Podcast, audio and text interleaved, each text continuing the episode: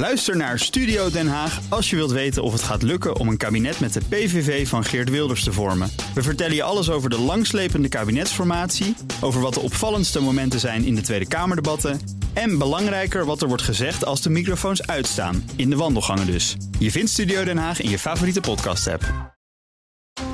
Altijd en overal op de hoogte blijven. Download de gratis BNR-app. Blijf scherp. BNR Nieuwsradio. The Big Five. Diana Matroos. Totale chaos en incompetentie. Het kabinet dat zelf van crisisberaad naar crisisberaad rent. Na de monsterzegen van BBB bij de provinciale statenverkiezingen krijgt uit alle hoeken kritiek. Is dat terecht? Kan het eh, kabinet deze impasse doorbreken? Blijft BBB succesvol? Hoe gaat het nou verder met het stikstofdossier? En misschien wel het belangrijkste: wat is de dieperliggende oorzaak van waar we nu in politiek opzicht staan in Nederland? Dat onderzoek ik uh, deze week in BNR's Big Five van de politieke aardverschuiving met vijf kopstukken. Vandaag een heel bijzondere gast, Ilona Lagas. Je bent uh, de, het, ja, het boegbeeld van BBB in de Eerste Kamer, hè? de fractievoorzitter uh, van de partij. Je hebt ontzettend veel politieke ervaring. Loopt al heel lang mee in dit vak. voor de VVD heb je heel lang ja. gewerkt. Als wethouder ook in uh, ja. Overijssel. Hè? Ja, ja, klopt. In uh, verschillende gemeentes. En nee, twee jaar... één gemeente. Eén gemeente. Gemeente Omme, daar ben ik wethouder geweest. Ja. ja.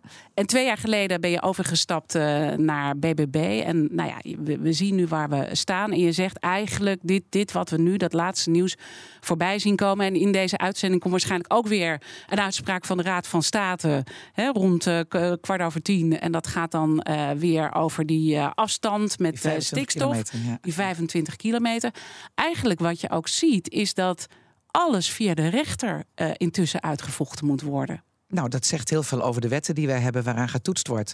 Blijkbaar functioneren die niet. Mm -hmm. Als je beleid gaat ontwikkelen, dan moet je altijd kijken. Dat is een standaard werk zijn er bestaande wetten die hiermee haaks, uh, waar het haaks op staat? Mm -hmm. Kunnen wij dit beleid wel gaan uitvoeren? En bereiken we dan uiteindelijk onze doelen wel? Hè? Want daar gaat het natuurlijk om. Hè?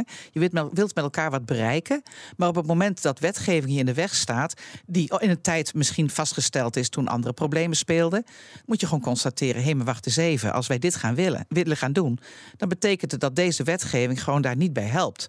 En dan, ik hou niet van het kunstje van om een zin te krijgen moeten we de wet wijzigen. Nee, het gaat om het doel wat je wilt behalen met elkaar. En Iedereen wil wat met die stikstofproblematiek. Iedereen wil wat met het klimaat. Iedereen staat in de startblokken. Maar als continu de, de, huidige wetgeving ons in de weg staat, komen we geen meter verder. Is dit ook ergens jouw drijfveer om dit soort zaken aan te pakken? Of is er een andere drijfveer waarom je dit werk bent gaan doen? Nou, dit is een van mijn grootste drijfveren geweest. Dat ik in mijn politieke loopbaan, weliswaar lokale politiek, maar ook zeker als wethouder, heel veel te maken heb gehad met wetgeving. Waarvan ik dan onmiddellijk riep: ja, maar hoe dan? Hoe gaan we dit dan in de praktijk brengen? En hebben jullie de neveneffecten wel goed in beeld? Mm -hmm. Wat dat doet bij die en die branche, of bij die en die mensen die er ook mee te maken gaan krijgen. Ja, daar heb ik me zo vaak over verbaasd dat toen ik gevraagd werd of ik er niet voor voelde om dan naar de Eerste Kamer te gaan voor BBB, dat ik dacht, ja, dat is het moment. Want daar gebeurt het. Daar toets je wetgeving ook op haalbaarheid. En dan even kijken waar we nu staan. Hè. Ik bedoel, ja. de, de, de overwinning is alweer eventjes uh, terug, maar toch nog heel uh, vers. Hoe is dat ingedaald bij jou intussen? Nou, je zit nog ik zit nog steeds in, volgens mij in die droom van... God, ik ben, er, ik ben ergens beland waarvan ik niet alles kan overzien. Uh, vanzelfsprekend uh, zijn we al heel erg bezig met voorbereiding van het team. Mm -hmm. Maar het effect wat het op je heeft en wat, wat het doet met uh, je verantwoordelijkheden... ja, daar, zijn we, daar, daar, ben je heel erg van bewust. Maar het is nog steeds in een soort, soort, ja, soort droom, soort film. Ja, ja. ja. en het is ook wel hectisch, lijkt me. Het is heel hectisch, maar leuk hectisch. Ja. Ja, ik merk gewoon, ik heb een, natuurlijk een LinkedIn-pagina. En ik word aan alle kanten komen de mensen ook met persoonlijke berichten naar mij toe. Van als je op dit dossier wat wil weten, ik kan meelezen, helpen. Ik weet heel, hier heel veel van. Ik probeer dit al zo lang naar voren te brengen, maar niemand luistert. Dan denk ik, wow, wat zit er? En als je die mensen dan weer bekijkt, dan denk je, ja, dat is ook niet iemand die onder een steen heeft gelegen. Die is ook heel druk bezig al met deze materie. We hebben zoveel kennis in dit land. Wat moeten mensen echt van jou weten? Wat ze echt van mij moeten weten, dat ik. Uh, nou, Caroline zei verwoorden dat wel mooi over mij. Dat ik uh, een hands-on mens ben met de poot in de klei. En dat ben ik ook. Ik hou niet van fratsen. Ik hou gewoon van praktisch. Pak het aan met elkaar en ga ermee aan de slag. En ja, zo'n zo'n type ben ik. En ik ben een verbinder. Ik probeer altijd mensen mee te krijgen. En ook heel erg te luisteren naar wat, wat is de boodschap nou van de ander. Want ieder mens brengt zijn boodschap vanuit de beste bedoelingen. En samen moet je er dan uitkomen. Mhm. En volgens mij ook iemand van de inhoud. Je hebt heel lang voor de klas gestaan. Ja. Hè? uh, bent trouwens ook hoofd geweest uh, van het lab in het uh, ziekenhuis. dus je bent echt ook van vele markten thuis, denk ik.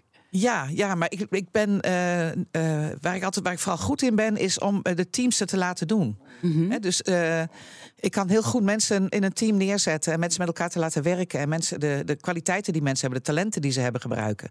Dat vind ik altijd heel leuk. The Big Five. Diana Matroos. Mijn gast is Ilona Lagas. Zij is het boegbeeld van BBB in de Eerste Kamer. Um, laten we ook uh, praten over de andere actuele punten. Terwijl we intussen ook aan het luisteren, uh, aan het afwachten zijn wanneer nou die uitspraak van de Raad uh, van State komt. Maar daarna komt natuurlijk om 11 uur, aansluitend aan deze uitzending, komt dat debat, een dagje uitstel. Uh, was dat een teleurstelling, een dagje uitstel? Ik vond het een beetje vreemd, maar goed, het kan gebeuren. Uh, het, ik vind het alleen, ik hoop echt dat zometeen het debat over de volle breedte gaat. En dat niet de uitspraak van de, de, de rechtbank zometeen of de Raad van State zometeen uh, het debat gaat leiden. Want het probleem is juist dat het over veel meer dingen gaat dan alleen stikstof. Dat anders, je kunt nooit in alle provincies de grootste worden als het alleen over het stikstofdossier gaat. En ik hoop echt dat de duiding van het debat daarover gaat. Mm -hmm, en dat mm -hmm. men zich niet gaat begraven in de uitspraak die zo meteen komt. En je zei, ik, vind, ik vond het een beetje vreemd, dat ja. uitstel. Wat, wat vond je er vreemd aan? Nou, uh, kijk, uh, mensen kunnen ziek zijn. Dat, be dat begrijp ik. Dat ja. is altijd mogelijk. Maar ik vind, het, ik vind het heel knap dat iemand dan al weet dat hij de volgende dag wel kan. Dat vind ik knap. Dan, uh, dan, dan ja. Ja, ik, dat, ik weet dat, niet. Dus, misschien heeft hij een format waardoor mensen zich de volgende dag weer beter voelen. Dat zou heel mooi zijn. Ja, nou ja, dat schijnt geloof ik met een voedselvergiftiging. Dan kan je uh, in één dag weer opgeknapt zijn. Dat, dat, dat tuurlijk, tuurlijk. Dat, ja. dat kan altijd. Maar wat ja. ik wel een beetje vreemd vind, is de, de planning van het debat. Want uh, gisteren was hij om vijf uur. En ik zag, uh, ik zag bij de debat direct, heb je altijd zo'n schemaatje. Mm -hmm. Dat hij ingepland stond tot elf uur. En nu staat hij van elf tot twee ingepland. Ik hoop wel dat er ruimte blijft, dat het ook kan uitlopen. Ja, ja. nou dat kan nog tot het laatste moment, zei je net zelf ook, hè, kunnen ja. mensen zich uh, aanmelden. Maar als je gewoon ziet, uh, eigenlijk vanuit die ontzettende verkiezingszegen die jullie natuurlijk uh, hebben binnengehaald, hoe er dan wordt gereageerd van alle kanten, hoe zou je dat typeren? Ja, er zijn mensen die heel erg in de verdediging schieten. Hè? Die, mm -hmm. uh, die zeggen van, uh, ja, maar wij, wij hebben, dat zijn provinciale statenverkiezingen. Ja, maar. Hè? Er zijn mensen die framen het heel snel op een proteststem en op uh, meer kracht in de Eerste Kamer. Maar ik denk dat het gewoon veel breder is. Ik denk gewoon dat de mensen heel graag het signaal willen afgeven. Wij willen zo graag dat er weer praktische mensen aan de slag gaan met ons land. Ik denk dat dat het be belangrijkste is. Maar de reacties daarop, ja, ik denk, je zit er voor, niet voor jezelf. Je zit er altijd voor de mensen. Dus welke reactie je ook geeft, je moet altijd het maatschappelijke belang in ogenschouw nemen. En niet het belang van jouw partij, van hoeveel kiezers je hebt, van de peilingen. Het maatschappelijke belang staat met stip bovenaan. De overheid moet er weer voor de mensen -hmm. En de mensen zijn er niet voor de overheid. En merk je dat nu intussen uit de woorden van uh, premier Rutte? Want we hebben natuurlijk ook, ja, we moeten afwachten wat er vandaag gaat gebeuren en waarmee hij vandaag uh, komt. Maar de eerste reactie uh, vrijdag, of dat, tenminste, dat was de zoveelste reactie ja. na jullie verkiezingsoverwinning, die was natuurlijk een beetje onduidelijk. Ja, versnellen kan, en vertragen. Ik kan er ook niets, ik kan er geen chocola van maken. Ja. En uh, als je, als je uh, het goed leest en je luistert weer naar de teksten of je kijkt ernaar, dan denk ik van ja, en nu dan? Waar staan we dan? He, de, mevrouw Snel uit, uh, uit de gedeputeerde uit Utrecht die, die roept ook al wanhopig van ja, we willen wel aan de slag, maar waarmee dan? We hebben geen kaders. Ik sprak bij WNL laatst met de gedeputeerde van, uh, van, uh, uit Limburg. Die zei ook al van ja, sorry hoor, maar dus wij, wij, wij staan klaar. We hebben agrariërs die willen stoppen, maar we hebben geen kader. We kunnen niks. We weten niet waar we mee aan de slag kunnen. Er zijn agrariërs gestopt die nog stikstofrechten hadden, dus niets meer uitstoten. Die hebben ze verkocht en die worden nu weer ingezet. Ja, en intussen komt ook het uh, laatste nieuws over stikstof uh, binnen. Dus neem ik graag even mee. De afdeling bestuursrechtspraak van de Raad van State oordeelt met de staat uh, dat de zogenoemde rekenafstand van 25 kilometer bij individuele projecten aanvaardbaar is. Dat is dus een overwinning voor het huidige uh, kabinet. Ik zie jou ook uh, nou ja, met, met een, een verbaasde blik een beetje kijken, Ilona. Ik kom straks bij jou. Ik zal nog even wat meer informatie geven. Voor elk project dat stikstof veroorzaakt, moeten de stikstofgevolgen tot op een afstand van 25 kilometer berekend worden. Of dat nu de aanleg of verbreding van een weg is, of de oprichting of uitbreiding van een veehouderij. Kabinet heeft deze afstand in 2021 vastgesteld, maar daarover bestaat discussie. Vooral of de afstand wel groot genoeg is voor een volledig zicht op de gevolgen van de stikstofneerslag. Maar de rechter oordeelt dus nu dat de rekenafstand aanvaardbaar is. Wat is jouw eerste reactie hierop? Nou, die, ik denk dat uh, deze rechter gekeken heeft van hoe ver zetten wij het land nog op slot. En daar is, komt waarschijnlijk dat aanvaardbaarheidsverhaal vandaan. Want het is natuurlijk ja, een heel raar verhaal dat je op 25 kilometer, alsof die stikstof daar naar beneden valt en er daarna niks meer is. Maar ook andere kant op. Er zijn, die, die, die, die metingen zijn zo wispelturig. Je hebt met mhm. wind te maken, je hebt met effecten elders in Europa te maken. Gisteren hoorde ik dat er eh, een grote stikstoffabriek, als die in de Oekraïne kapotgeschoten wordt, wat het dat weer doet met ammoniak en stikstof dat, is, dat zijn effecten die zijn wereldwijd, die kun je allemaal niet meer bijbenen. En als wij dan iedere keer op die, op die millimeter allerlei beslissingen moeten nemen, dan blijf je op slot zitten. Wat, wat gaat nou jullie strategie zijn als uh, partij vanuit dit moment uh, waar we nu staan? Hè? Want we zien in ieder geval rechters zijn continu bezig om eigenlijk uh, nou ja, bij te sturen. En dat zegt ook iets over dat nou, blijkbaar in politiek Den Haag ze er niet helemaal uitkomen. Wat gaat jullie strategie nu zijn vanaf dit nou, moment? Die strategie, die strategie is er al. Hè? Caroline heeft vorig jaar al samen met jaar 21 een initiatiefnota ingediend. Mm -hmm. waarin, waar, waarin ze duidelijk uitleggen hoe het land van slot kan. En een van de belangrijkste dingen is het verschijnsel van die kritische depositiewaarde. Die willen we er het liefst uit hebben. Dus ga echt fysiek meten en ga e- echt kijken hoe ziet de natuur in het gebied eruit en wat heeft deze natuur echt nodig om te herstellen. Dat is één. Maar als je hem er dan in moet laten, ga dan in ieder geval op een normering zitten die door TNO ook aangegeven wordt van 1 mol per hectare per jaar. Tot 10 zeggen zij zelf. Maar in de nota geven we één aan. En dan kun je al met elkaar aan de slag. En dat, dat is een beleid wat al lang is uitgezet, maar wat nog nergens landt. En, en, en, en dat het niet landt, hoe ga je het dan wel realiseren dat het wel landt? Blijven roepen. Ja. Tupperware-strategie. Als je het met vaak genoeg zegt, wen je vanzelf aan de prijs, zeg ik altijd. Ja, maar uiteindelijk gaat het natuurlijk ook met elkaar uitkomen. En uh, bepaalde afspraken die natuurlijk wel gewoon uh, zijn gemaakt. Nou, en afspraken je, ja. moet je dan ook openbreken. Nou, afspraken, dat is het coalitieakkoord bedoel je. Hè? Ja. Nou, daar zijn ze nu zelf al druk mee bezig. Daar hoef ik verder niks aan te doen. En BBB al helemaal niet. Uh, ze zijn zelf al aan het kijken van... hé, hey, waar zijn we nu eigenlijk mee bezig? Zijn we nou elkaar de tent aan het uitvechten over getalletjes en cijfers? Of gaan, slaan we nou eens echt de hand aan de ploeg... om maar eens in landbouwtermen te blijven? En gaan we nou eens aan de slag met elkaar? Er staan heel veel mensen gewoon klaar hè, om aan de slag te gaan. Maar die weten ook niet wat ze doen moeten. Mm -hmm. Ik denk dat... Ik denk dat uh, um, als je nu echt aan het werk gaat en dan die meetmomenten gaat pakken waar ze het over hebben. En die ook echt gaat meten. En je laat die wet op 2035 dan maar even staan dan kom je beter op gang dan wanneer die discussie van 230 en 235 maar blijft voeren. Overigens. Maar dat doen jullie zelf ook toch? Ik bedoel, jullie zeggen van dat, dat 235 moet eruit en we willen het. Uh, uh, sorry, dat 230 moet eruit. Is er dus jullie in, doen. Nee, maar, maar, maar jullie zijn ook steeds met die getalletjes bezig. Ja, om te zeggen dat je dat niet moet doen. Ja. Je moet stoppen met die getallen. Je moet stoppen zeggen van op die datum moet dat klaar zijn en dan moet het aantallen zoveel zijn. Nou, kijk eens om je heen in het land. Alles wat mhm. wij zeggen dat moet dan klaar zijn, lukt niet. de, de, Binnenhof gaat alweer niet lukken. Maar dat is een heel simpel voorbeeld. Maar kijk eens naar die mhm. toeslagenaffaire. 1500 ambtenaren zijn daarmee bezig op jaar. Die, wat, kijk eens wat die kost op jaarbasis. Nee, dat is krankzinnig. Uh, dat zijn krankzinnige dingen. Maar het is allemaal omdat we steeds in die getalletjes zitten. Ja. En, stop daar eens mee. En, en, en, en dit snap ik uh, uh, wat je zegt. En tegelijkertijd, uh, ik bedoel, je hebt ook heel lang lesgegeven. Als je aan leerlingen niet zegt. en je moet dan dat af hebben. En, en, anders krijg je een, een, een, een, negatieve beoordeling. Dan gaat er ook niet veel gebeuren. Dus je moet ergens natuurlijk ook wel een duidelijke stip zetten. Ja, maar die stip kan een tijd zijn, maar die stip kan ook een doel zijn. En wij hebben in Nederland, dat zei ik straks al, heel veel mensen die heel eh, slim bezig zijn, die graag verder willen. Mhm. Ik heb een heel praktisch voorbeeld bij mij in de buurt, een grote agrariër, 400 meter afstand van waar ik woon, met 300 melkkoeien. Die wil heel graag een stikstofkraker plaatsen. Dat heeft hij met de bank in orde, dat, eh, hij heeft er ruimte voor. Hij heeft afzetmogelijkheden voor het residu wat eruit komt. Hè. Dat kan naar tuincentra. Het enige probleem waar hij nu tegenaan loopt, is dat de provincie maar voor één jaar een vergunning geeft. En je kunt zo'n machine niet in één jaar afschrijven. Dus dat, is, dat, dat zijn hele rare dingen. Die man die kan heel veel re- stikstofreductie doen, eh, maar die kan niet, niet beginnen omdat hij die vergunning niet krijgt.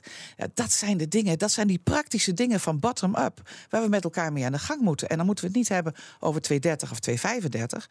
We moeten zeggen van mooi, deze man gaat dit halen. En je zegt dus eigenlijk, ik zag eerder ook een gesprek met jou eh, bij WNL op zondag. En dan zeg je, het gaat elke keer gaat het om die innovatie. Ja. Eh, dat, dat, is, dat is wat jullie eh, eh, willen bereiken, dat we daar eh, op inzetten. Maar er is natuurlijk ook geprobeerd met stallen te in- innoveren. En dat heeft natuurlijk niet tot het gewenste resultaat Nog geleid. niet. Nog niet. En dat is, vaak, dat is het probleem bij innovatie. Ja. Als je met iets nieuws begint, het prototype doet het vaak niet. Mhm. En het heeft dan een doorontwikkeling nodig. Want je moet dan juist gaan uitzoeken, als het niet het gewenste resultaat heeft, wat is er dan misgegaan? Want in theorie klopte het. Anders begint men daar niet aan. Het zijn grote investeringen. Maar als het dan niet te blijkt te werken, dan zit er blijkbaar ergens in die innovatie nog een fout. Geef mensen de tijd om die fout te herstellen. En gelukkig doen ze dat met Lightyear nu wel. Hè. Er is nu zijn investeerders die verder gaan met die auto. Ik vind het zo jammer dat als het in het prototype mislukt, het eh, niet het gewenste effect heeft, dat men zegt dan werkt het dus niet. Nee, maar de natuur heeft geen tijd meer. Want dat horen we van eh, eh, intussen zoveel wetenschappers. Ja, maar er zijn ook heel veel wetenschappers, waaronder Louise Fresco, die zeggen je kunt ook op een andere manier naar te kijken. Want de stikstof is een van de drukcomponenten, een grote, maar niet alles. Er zitten ook heel veel drukcomponenten die eh, op de natuur, bijvoorbeeld droogte.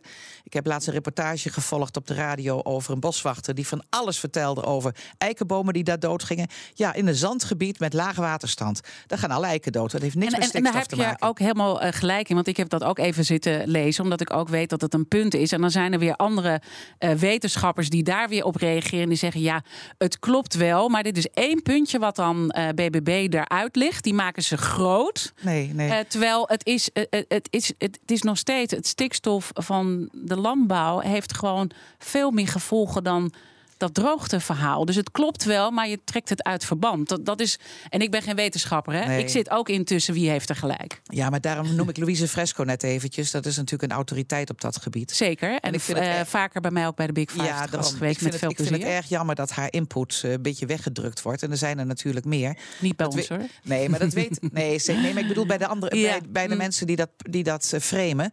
Er zijn natuurlijk heel veel wetenschappers. En dan komen we weer precies bij datgene wat we net bij de luchtvaartmaatschappijen zeiden. Ga nou eens met elkaar aan tafel zitten.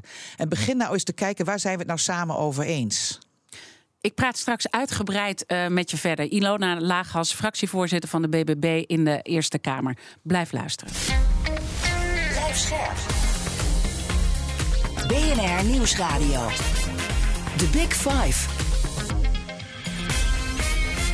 Diana Matroos. Welkom bij het tweede halfuur van de Big Five. Deze week spreek ik met vijf kopstukken uit de wereld van de politieke aardverschuiving en die dat kunnen duiden. Later deze week praat ik erover met de directeur van het Sociaal en Cultureel Planbureau, Karen van Oudenhoven. Mijn gast vandaag is Ilona Laagas. Zij is de beoogd fractievoorzitter van de BBB in de Eerste Kamer. Nu nog eh, de lijsttrekker. Belangrijk om dat beoogd eh, eh, erbij te zeggen, hè, Ilona. Komend half uur wil ik nog een paar belangrijke onderwerpen met je bespreken. Eh, de toekomst eh, van BBB en ook jouw keuze om de eh, VVD te verlaten. En daar zit denk ik ook wel het verhaal onder van veel van de BBB'ers. Want daar zitten veel CDA'ers en VVD'ers in die partij. Daar gaan we het zo over hebben. Maar eerst ook een belangrijke vraag van een ja, oud partijgenoot eigenlijk van jou. Die ik gisteren sprak, uit, Nijpels, oud VVD-leider. En die had deze vraag voor jou. Ik zou haar willen vragen of zij ook eh, bereid is om straks als fractievoorzitter in, in, in de Eerste Kamer ook zo'n eh, kabinet eh, positief tegemoet te treden. En niet alleen maar oppositioneel. Ik heb haar gehoord eh, in een van de nieuwsrubrieken. Dat klonk heel redelijk. Ik hoop dat ze die lijn eh, wil voortzetten. Mijn vraag is, bent u bereid dat te doen? Ook als u af en toe bijvoorbeeld ruzie krijgt met uw fractievoorzitter in de Tweede Kamer. Want zo gaat dat in de praktijk. U heeft eigen verantwoordelijkheid. Dus hoe gaat u uw verantwoordelijkheid waarmaken? Ik zie een grote glimlach. Ja. Vooral bij het woordje ruzie maken. Ja, ik, ik, ben, ik ben geen ruziemaker. Dus dat is heel. Ik, als je bij mij ruzie krijgt, dan is er echt heel wat aan de hand. Mhm. En eh, ik ben altijd van overleg, dus dat lijkt me, lijkt, dat lijkt me niet, eh, niet, niet, eh, niet gaan gebeuren. Maar vanzelfsprekend ga ik met iedereen positief aan de bak. Ik, dat is mijn karakter. Ik zou niet weten waarom ik niet positief het kabinet zou benaderen. Ja, als mensen met hele rare dingen komen, ja, dan kan ik ze wel positief benaderen. Maar dan geef ik aan hoe ik, wat ik ervan vind. Le- eh, volgens mij is dat een hele normale menselijk, menselijk gedrag. En ja, ik zou niet weten waarom je dat niet zou doen. Maar er zitten ook een aantal interessante dingen onder die eh, vraag natuurlijk. Gisteren sprak ik met eh Nijpels ook heel erg uitgebreid over de tegenspraak die de premier niet meer eh, goed op orde heeft. Hè? Ja. Ik bedoel, Ook Thomas van Zeil vind je in de BNR-app. Je kunt live naar mij luisteren in Zaken doen, de BNR-app met breaking news, het laatste zakelijke nieuws en je vindt er alle BNR-podcasts, bijvoorbeeld Het Nieuwe Geld. Download nu de gratis BNR-app en blijf scherp. hij zei het is aan hem om eh, te besluiten hoe lang hij nog doorgaat. Want we hebben het natuurlijk ook over zijn houdbaarheid eh, Ja. gedaan. Maar is er voldoende eh, tegenspraak in de partij geregeld ook? En, en, en zou je ook, Caroline van der Plas, ook durven afvallen daarin? Nou, ik- Of moet je het altijd eh, met elkaar eens zijn? eh, eh, Nee, nee je, je, je zult het nooit altijd met elkaar eens zijn. Dat is ook niet menselijk. Hè? Je hebt allemaal je eigen input over allerlei zaken.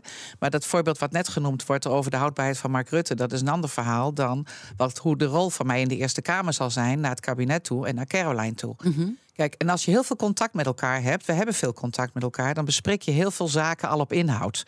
Dan weet je hoe de hazen lopen, dan weet je precies hoe iedereen erin zit. En dan kom je al heel vaak tot een, samen tot een oplossing. Het is niet voor niets dat ik eh, bij de BBB terecht ben gekomen, omdat ik de visie die zij hebben op hoe we met dit land omgaan en hoe we met wetten, wetgeving omgaan en hoe we bottom-up gaan werken en hoe we de mens, het bij de mensen gaan ophalen, ja, dat spreekt mij super aan. Dus eh, zolang wij allemaal op diezelfde golflengte blijven zitten, verwacht ik geen conflict. Maar, en, en je zegt, ja, maar conflicten zijn er natuurlijk bijvoorbeeld nu eh, met het hele stikstofverhaal zijn er enorm veel conflicten. Dus hoezo is er geen conflict? Nee, maar niet intern. Hè? Dat zijn Ja. twee verschillende Ja. dingen. Intern binnen je partij. Ja.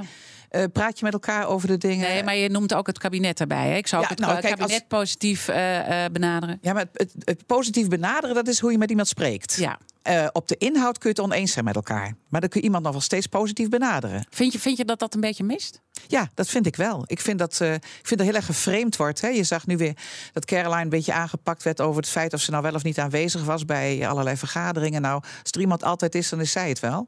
Ik, ik heb daar moeite mee dat er te veel op de mens gespeeld wordt en te weinig op de inhoud. En, de, en dus eh, te veel op het negatieve in plaats van het positieve. Want je Ja. zegt als we positief beginnen. Maar laten we dan eh, toch nog even dat stikstof. Want dat is uiteindelijk jullie eh, ja, hoofdpunt. Hè? Ik bedoel, jullie hebben natuurlijk veel meer eh, punten.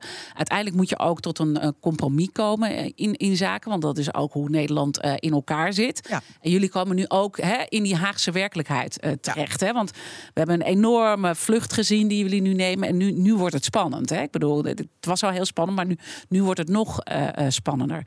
Waar zit bij jullie de ruimte om hier uit te komen? Nou, dat ligt natuurlijk al op eh, welk dossier je zit. Want als je op de beleidsstukken van de Tweede Kamer zit, hebben we op dit moment één Tweede Kamerlid. Die moet met andere partijen in de Tweede Kamer proberen eh, datgene wat, eh, wat Caroline graag naar voren wil brengen en gerealiseerd wil zien, om daar een meerderheid voor te krijgen. Maar zoals de coalitie nu opereert, hè, die houden de geledingen potdicht. Ik kijk wel eens naar stemmingen. Ja, kom je, kom je daar moeilijk door? Dat is natuurlijk anders in de Eerste Kamer, want daar zitten we straks met 17, 16, maar misschien wel van 17 mensen.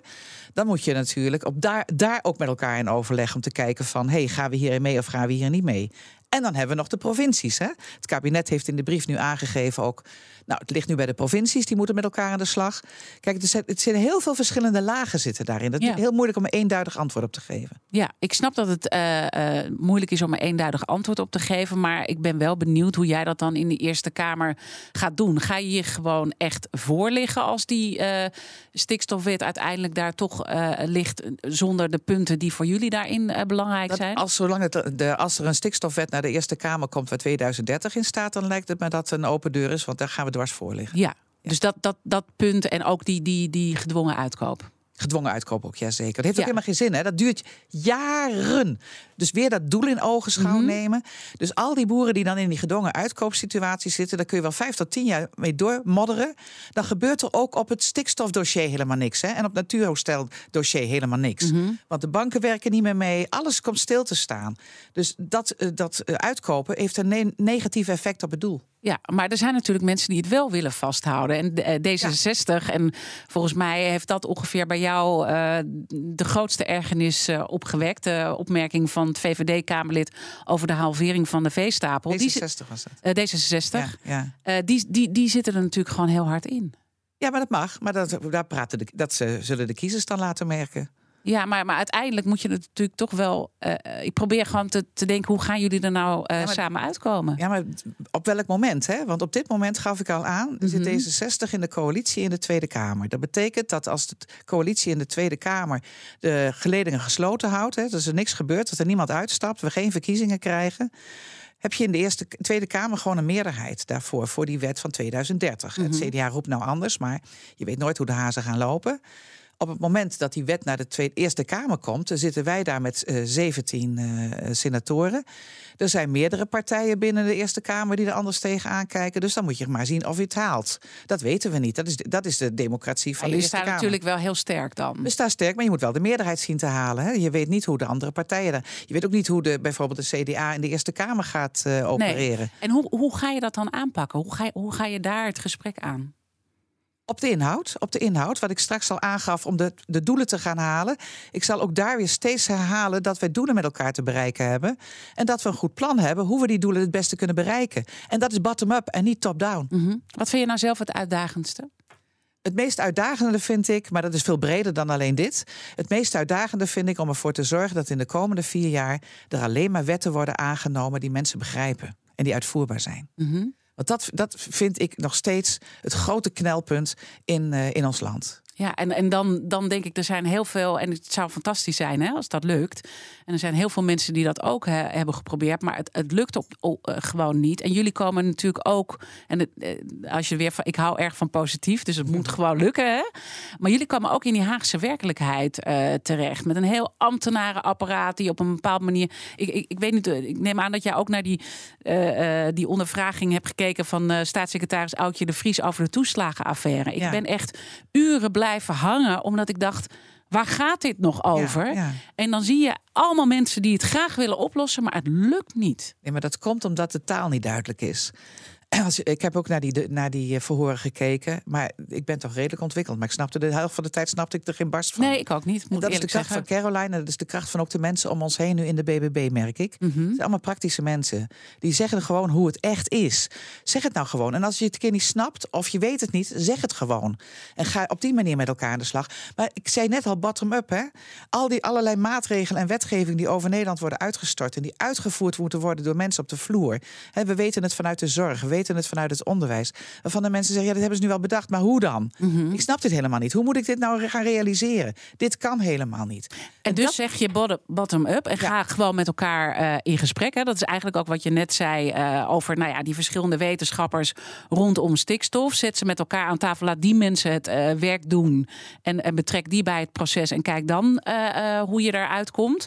Maar zijn we dan niet weer oeverloos met elkaar aan het praten? Ja, daar- Uiteindelijk heb je ook een leider nodig die zegt: Ja, eh, ik bedoel, je hebt eh, ook voor de klas gestaan. Hè, en eh, niet iedereen vindt het leuk, maar we gaan het wel zo doen. We gaan nu die kant op. Ja, en je gaat het doen op basis van besluiten die je neemt op goed, goed onderbouwde stukken. Dus dat je niet een stuk hebt die niemand meer snapt. En dat de pensioenwet, hè, zo'n voorbeeld, niemand snapt het meer. En het wordt alleen als een soort prestigeobject wordt het aangenomen, maar niemand snapt het meer.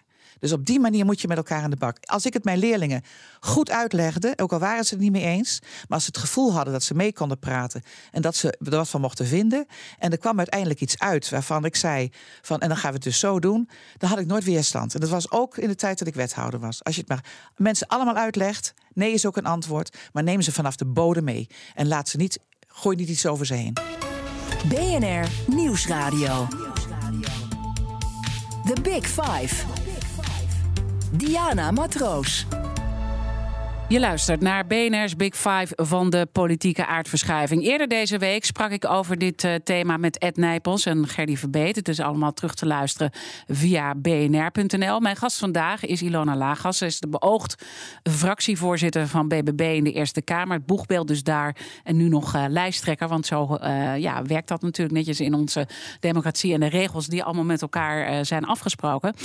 eerder spraken we al dat je ontzettend lang voor de VVD hebt gewerkt in verschillende rollen als raadslid, als wethouder.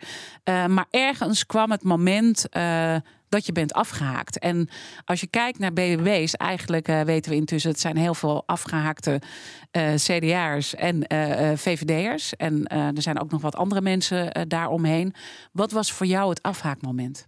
Even, even daarop aansluiten, wat andere momenten. Een heel groot gedeelte heeft ook, is ook nooit politiek actief geweest. Mm -hmm. Dus die zit er ook bij. Maar even terugkomt op je vraag over mijn uh, afhaakmoment. Dat is uh, langzaam gegroeid. Um, dat is begonnen in de periode uh, toen ik stopte als wethouder in 2014. Toen begon ik heel langzaam te ontdekken dat onder leiding van Mark Rutte de partijstructuur veel meer van bottom-up naar top-down georganiseerd werd. En dat vond ik al heel bijzonder. En dan ga je dan van binnenuit proberen weer wijzigingen aan te brengen of het anders te doen. de congressen werden festivals en uh, nou hou ik wel van een feestje, maar je gaat daar de discussie uit de partij bij weghalen. En dat ontdekte ik ook steeds meer. Later zijn ze wel met wat workshops, hebben ze dat weer wat proberen recht te zetten. Mm -hmm. Echt het plenaire bad in de grote zaal. Ja, dat was altijd sterk, dat was altijd krachtig. Dat vond ik ook altijd leuk om mee te maken. Maar ik ben toen ook afgehaakt, ik ben ook niet meer gegaan. En uiteindelijk, toen ik in 2020 stopte als uh, raadslid, omdat ik voorzitter van de wet van de Raad van Toezicht van de grote onderwijsorganisatie, was dat niet meer te combineren. Werd ik dus eigenlijk voor het eerst gewoon lid, zonder dat ik iets actief deed. En toen merkte ik dat de afstand nog veel groter was dan ik dacht. Toen was ik niet meer met de lokale politiek bezig. Maar toen zag ik dus van alles gebeuren in het land. En ja, de, de, de hele partijstructuur was georganiseerd. De afstanden waren heel groot.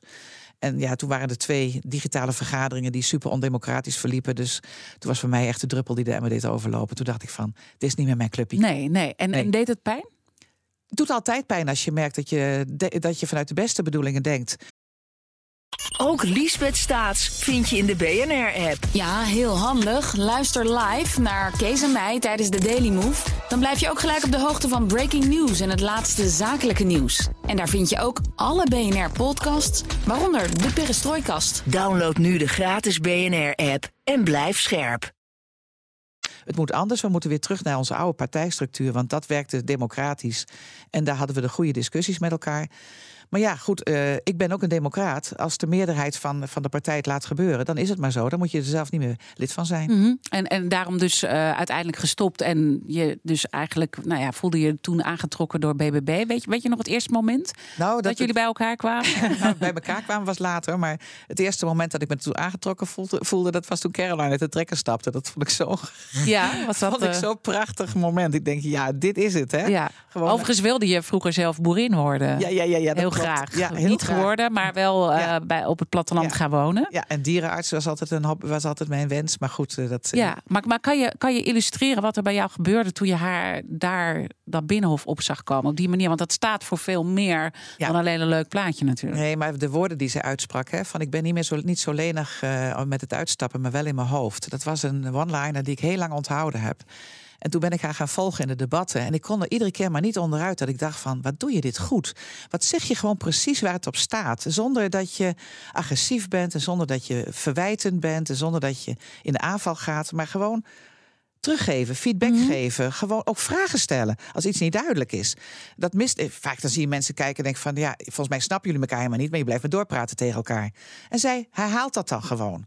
Ja, ik vond het helemaal geweldig. En uh, ja, de, ik ben natuurlijk een plattelandsmens. En ik heb uh, met grote zorgen de, de, be, beleid zien verstedelijken. En het platteland zien gebruikt worden als mm -hmm. ja, het afvalputje voor de dingen die ook moeten gebeuren. En het wegvallen van allerlei voorzieningen. En dan hoor je heel vaak van, joh, het gaat jullie alleen over de boeren. Maar nee, eigenlijk nee. Uh, zit er veel meer, achter, veel meer, achter, En dat is ook wat je nu benoemt. Hè, eigenlijk. Het gaat over buslijnen ja, uh, die, die, die verdwijnen. En dat is ook waar je uh, via de VVD ook probeerde te strijden en dat lukte niet. Nee, nee het, het gaat over mogen, mogen we kleinschalig mogen bouwen in kleine kernen. Het gaat, het gaat over de generatieopbouw op het platteland. Hè. Dus ga eens wat soepeler om met mensen die bijvoorbeeld op het terrein van hun ouders een huis bij willen bouwen, zodat ze er ook kunnen gaan wonen. Eh, dan krijg je als antwoord, dat is verstening van het buitengebied. En dan zeg ik, ho, wacht eens even, maar een windmolen staat ook niet op bord, bordpapier. Waarom mag die, mag die 30 bij 30, of hoe groot is dat wel niet, uh, betonnen blok er wel staan, maar geen huisje? Mm en, en, dat zijn allemaal punten die uh, jullie ook willen aankaarten. Toch zeggen heel veel mensen van... ja, ik weet eigenlijk niet waar de partij staat... behalve dan de boeren. Dit is even het moment oh, om het dat even is heel simpel. We hebben een hele mooie website. En lees daar vooral het, het, het, landelijk beleid. En er staan heel veel stukken van Caroline in waar ze voor staat. Mm -hmm. Er staan alle programma's van de provincies in. Daar is superveel te lezen waar wij allemaal voor ja, staan. Maar toch even om nu dan... Het, hè, want je hebt nu de microfoon. Eentje, een, eentje waar wij voor staan is de toekomst van het MKB. Die maken we ons ernstig zorgen over. Daar zijn we heel druk mee bezig. Die lopen helemaal stuk op de regelgeving, op die uh, juridische onmogelijkheden en op het, uh, de arbeidsmarktproblemen. Daar is er heel veel te doen en waar hele simpele oplossingen voor zijn. Ik heb het idee dat mensen het ook moeilijk uh, vinden bij jullie dat jullie niet of links of rechts zijn. Dus dat het een beetje. Ja, lastig, hè? Ja, nee, dat, we zijn heel erg in Nederland gewend om ja. in links en rechts te denken. Is dat ook, ook wat. kijk, het is natuurlijk wel dat boerenverhaal is natuurlijk wel jullie belangrijkste topic. Hè? Ik bedoel, daar is het allemaal mee begonnen. Daar is mee begonnen, maar dat is niet met het belangrijkste topic. Nee, maar is wel echt top of mind. Want dat is ook jullie uh, harde eis. Hè, maar dat komt omdat er ook zoveel aan vast zit aan het boerenverhaal. Hè? Ze beheren voor het heel groot gedeelte ons landschap. Hè? Mm -hmm. Dat doen zij al. Ze hebben, er zit een enorme sociale en uh, economische uh, laag omheen. Dus het is niet alleen de boerderij met de dieren op de plek. Het is ook alles wat daaromheen gebeurt. En vandaar dat het platteland, dat is vele malen groter dan, uh, dan alleen uh, de boeren en de, en, de, en de kleine kernen. Dat zijn ook de kleinere steden. Vandaar ook die uitslagen hè, van die verkiezingen. Daar draait het allemaal om.